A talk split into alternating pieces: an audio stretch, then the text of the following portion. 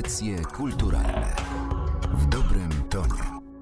Przy mikrofonie Martyna Matwiejuk, a gościem audycji kulturalnych jest dziś fotograf Marcin Walko. Witam Cię bardzo serdecznie.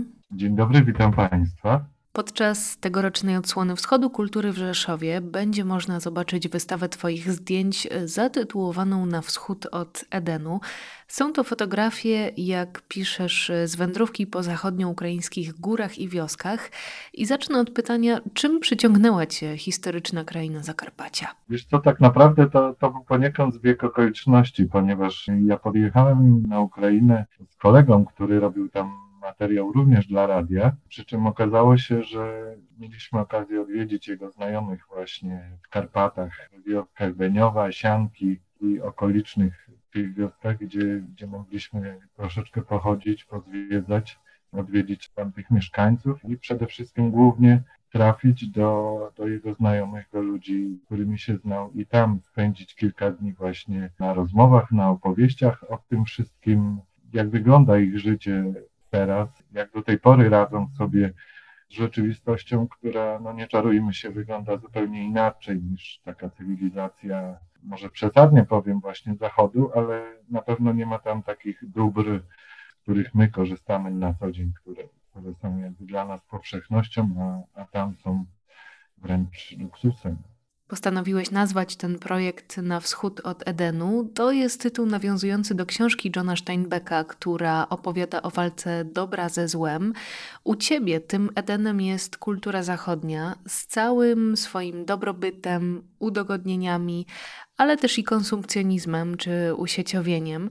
Na wschód od niej Zakarpacie. No i tak się zastanawiam, co tak naprawdę jest tym rajem, Wiesz co, wydaje mi się, że tym rajem jest właśnie takie, głównie chodzi o może nie tyle miejsce, to wartości, które są przekazywane jakby nam z pokolenia na pokolenie.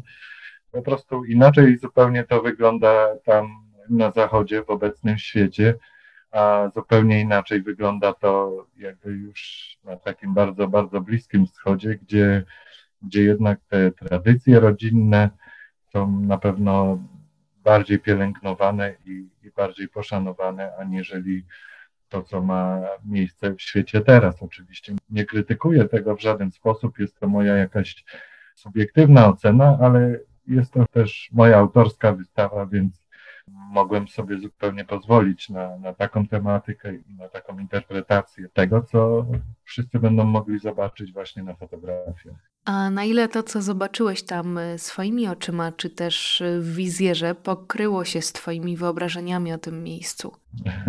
Nie pokryło się zupełnie, ponieważ jakby okoliczności czy miejsce, do którego trafiłem, no, no nie ma nic wspólnego z taką rzeczywistością, w której jakby obracam się na co dzień, tak? Począwszy od miejsca zamieszkania, czy nawet warunków zamieszkania, czy chociażby tematów, które poruszamy tutaj na co dzień, nie są w jakiś sposób, powiedzmy, mocno egzystencjalne, a, a są zwykłą codziennością, która gdzieś tam dotyka pracy i wszystkiego tak, powiedzmy, standardów, które nas obowiązują, do których musimy się stosować w przeciwieństwie do, do ideałów, w które wierzymy, do których chcielibyśmy brnąć, tak. Ja zawsze myślę o podróżowaniu, a zwłaszcza o spotykaniu się z ludźmi, którzy żyją w zupełnie innych warunkach niż my, jako o takiej wspaniałej możliwości ponownego spojrzenia na siebie, być może zdefiniowania siebie na nowo. Czy pojawiła się u Ciebie jakaś taka odkrywcza myśl podczas realizacji tych zdjęć? Wiesz co, na pewno cała interpretacja tej wystawy, to o czym powiedziałem na początku, dotarło do mnie właśnie w momencie, gdy gdy wróciłem stamtąd, gdy zacząłem przeglądać te zdjęcia i poniekąd, gdy jakby sama idea wystawy, czy chęć pokazania tych zdjęć wynikła, tak? Więc dopiero wówczas zacząłem się zastanawiać, co tak naprawdę chciałem pokazać i co tak naprawdę mam do przekazania, więc tak naprawdę nie, nie sam pomysł generował te zdjęcia, a dopiero ze zdjęć wyniknęło to, o czym właśnie mówię. Chyba to jest bardzo ważne, żeby nie nastrajać się na, na coś konkretnego, tak? Nie jechać być może czasami w jakimś konkretnym celu, albo inaczej, gdy wybieramy się w jakąś podróż w jakimś konkretnym celu, to rzeczywistość tak szybko jest w stanie zweryfikować to, co robimy, że powstaje zupełnie inny materiał dotykający zupełnie innych spraw. Dzięki temu to jest chyba takie fajne, zaskakujące i świetne doświadczenie. W ramach tego projektu stworzyłeś zdjęcia krajobrazu, ale również bardzo dużo zdjęć ludzi. I ja sobie zawsze myślę, że fotografowanie natury czy architektury jest łatwiejsze, w tym sensie, że fotograf ma często mniej ograniczoną swobodę działania. Natomiast kiedy wchodzimy do czyjegoś domu, kiedy fotografujemy go w takich codziennych sytuacjach, tak jak to też się działo w tym przypadku, no to przekraczamy pewien próg intymności i Tutaj fotografowie mają na to swoje metody. W jaki sposób ty pracujesz? Jak zdobywasz to zaufanie ludzi, którzy stają po drugiej stronie obiektywu? To znaczy, najpierw odniosę się właśnie do tych krajobrazów czy architektury, że owszem, pomimo, że, że jest tam jej dużo, że będzie jej też dużo na pewno, no to zdecydowanie tak, jest poniekąd martwa, bo nie ingeruje się w czyjeś życie, nie trzeba jakby prosić o zgodę, nie, nie, przekracza się właśnie tej granicy intymności, czy też nie musimy pokonywać takiego skrępowania, które gdzieś tam występuje na pewno wchodząc między ludzi, zwłaszcza nowych ludzi. Więc taką metodą na pewno jest y, spędzanie czasu z tymi ludźmi, y, pomaganie im w codziennych obowiązkach i gdzieś tam dopiero po jakimś czasie no, odkrywa się to, że, że możemy sobie pozwolić na zdjęcia, tak? Że nikogo to jakby nie zaskakuje, bo jest to ktoś, kto jest z nami i nie jest to coś też y, robione na pokaz, a, a jakby partycypowanie tej codzienności, przy czym ja mam jeszcze dodatkowo ze sobą aparat. Tak?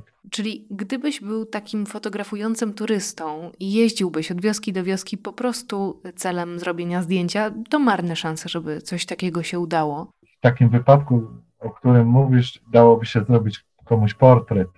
To też często robię w różnych krajach. Proszę kogoś po prostu, żeby stanął, ej, hej, robię ci zdjęcie. Ale to jest wówczas tylko portret i bez jakiegoś większego udziału w taką przyjąć codzienność. Ja się też często zastanawiam nad aparatem w rękach fotografa jako nad y, swoistym narzędziem władzy, no bo w zależności od tego, jak fotograf ukaże daną osobę, tak y, będą postrzegać ją odbiorcy. To jest też ogromna odpowiedzialność, jaką bierze na siebie fotograf. Jak y, chciałeś przedstawić tych ludzi, których spotkałeś na Ukrainie? No, starałem się oczywiście, jakby to wynika z kanonów dziennikarstwa, zrobić to jak najbardziej obiektywnie, chociaż krążą teorie i można się ku temu pochylić, że, że fotografia tak naprawdę nigdy nie będzie obiektywna, bo w zależności po której stronie danej osoby staniemy, to mamy zupełnie inną scenę i może to nam przedstawiać wydarzenie, nie wiem, wyjęte z kontekstu, przy czym nikt nie zna właśnie kontekstu, bo nie widzi szerszego pola tego wydarzenia, czy, czy jakby całości miejsca, więc myślę, że udało mi się w jakimś stopniu ukazać takie skromne życie, które jest zawarte gdzieś tam w czterech ścianach ukraińskiej wioski, drewnianej chaty, do której trzeba przebrnąć pieszo przez parę kilometrów. To chciałabym Cię teraz poprosić o opisanie jakiegoś Twojego ulubionego zdjęcia z tego projektu i nakreślenie jego kontekstu. Chyba takim kontekstem, o którym można najwięcej powiedzieć, jest fotografia człowieka, który pokazywał zdjęcia swoich przodków, tak?